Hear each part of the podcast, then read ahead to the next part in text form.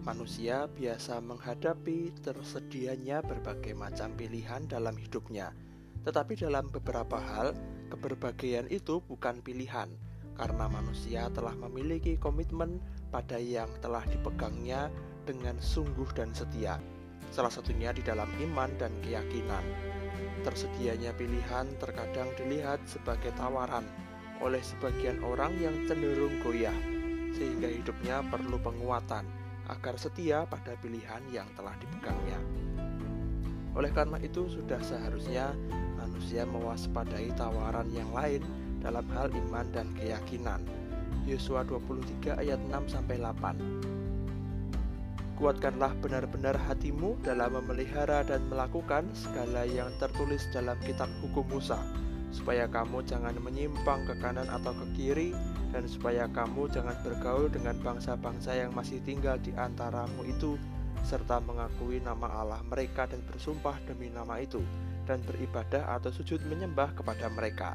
Tetapi kamu harus berpaut pada Tuhan Allahmu seperti yang kamu lakukan sampai sekarang. Ketika bangsa Israel telah menempati tanah Kanaan memang telah banyak sekali bangsa dan kota-kota yang mereka halau tetapi karena begitu luas dan beragamnya daerah tersebut, juga masih ada banyak bangsa-bangsa lain dengan keberagaman kepercayaan yang mengelilingi daerah yang diduduki orang-orang Israel.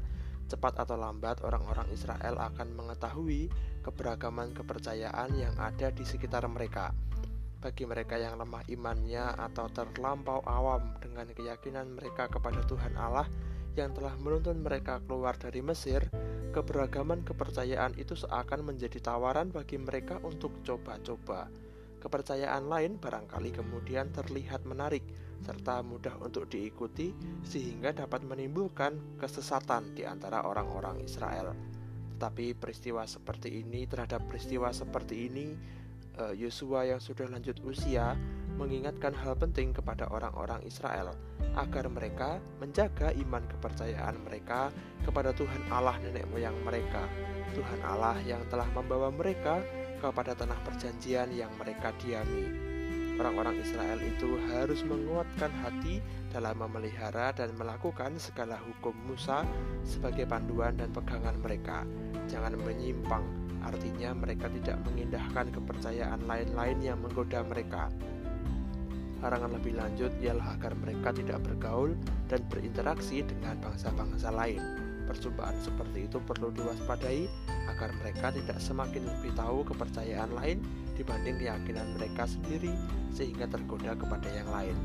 Jangan sampai ada sesembahan lain selain dari Tuhan Allah yang mereka telah berbakti kepadanya.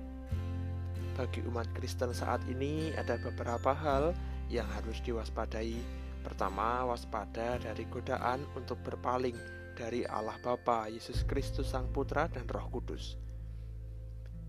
Inilah yang telah menjadi keyakinan kita di dalam karya Allah Bapa, Tuhan Yesus Kristus Sang Putra dan Roh Kudus, karya Allah yang luar biasa dan kekal, serta berkat penyertaannya yang telah kita terima. Keselamatan Allah di dalam Tuhan Yesus dan pemeliharaannya di dalam Roh Kudus mengundang kita untuk setia di dalam iman. Kedua, waspada dari keyakinan untuk mengandalkan yang lain selain Allah. Manusia bisa saja mengandalkan diri sendiri, harta benda, atau lainnya, sehingga lupa dan menjauh dari Tuhan.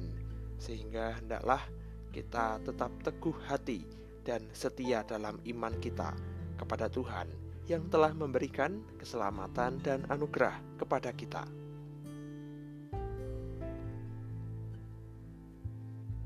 you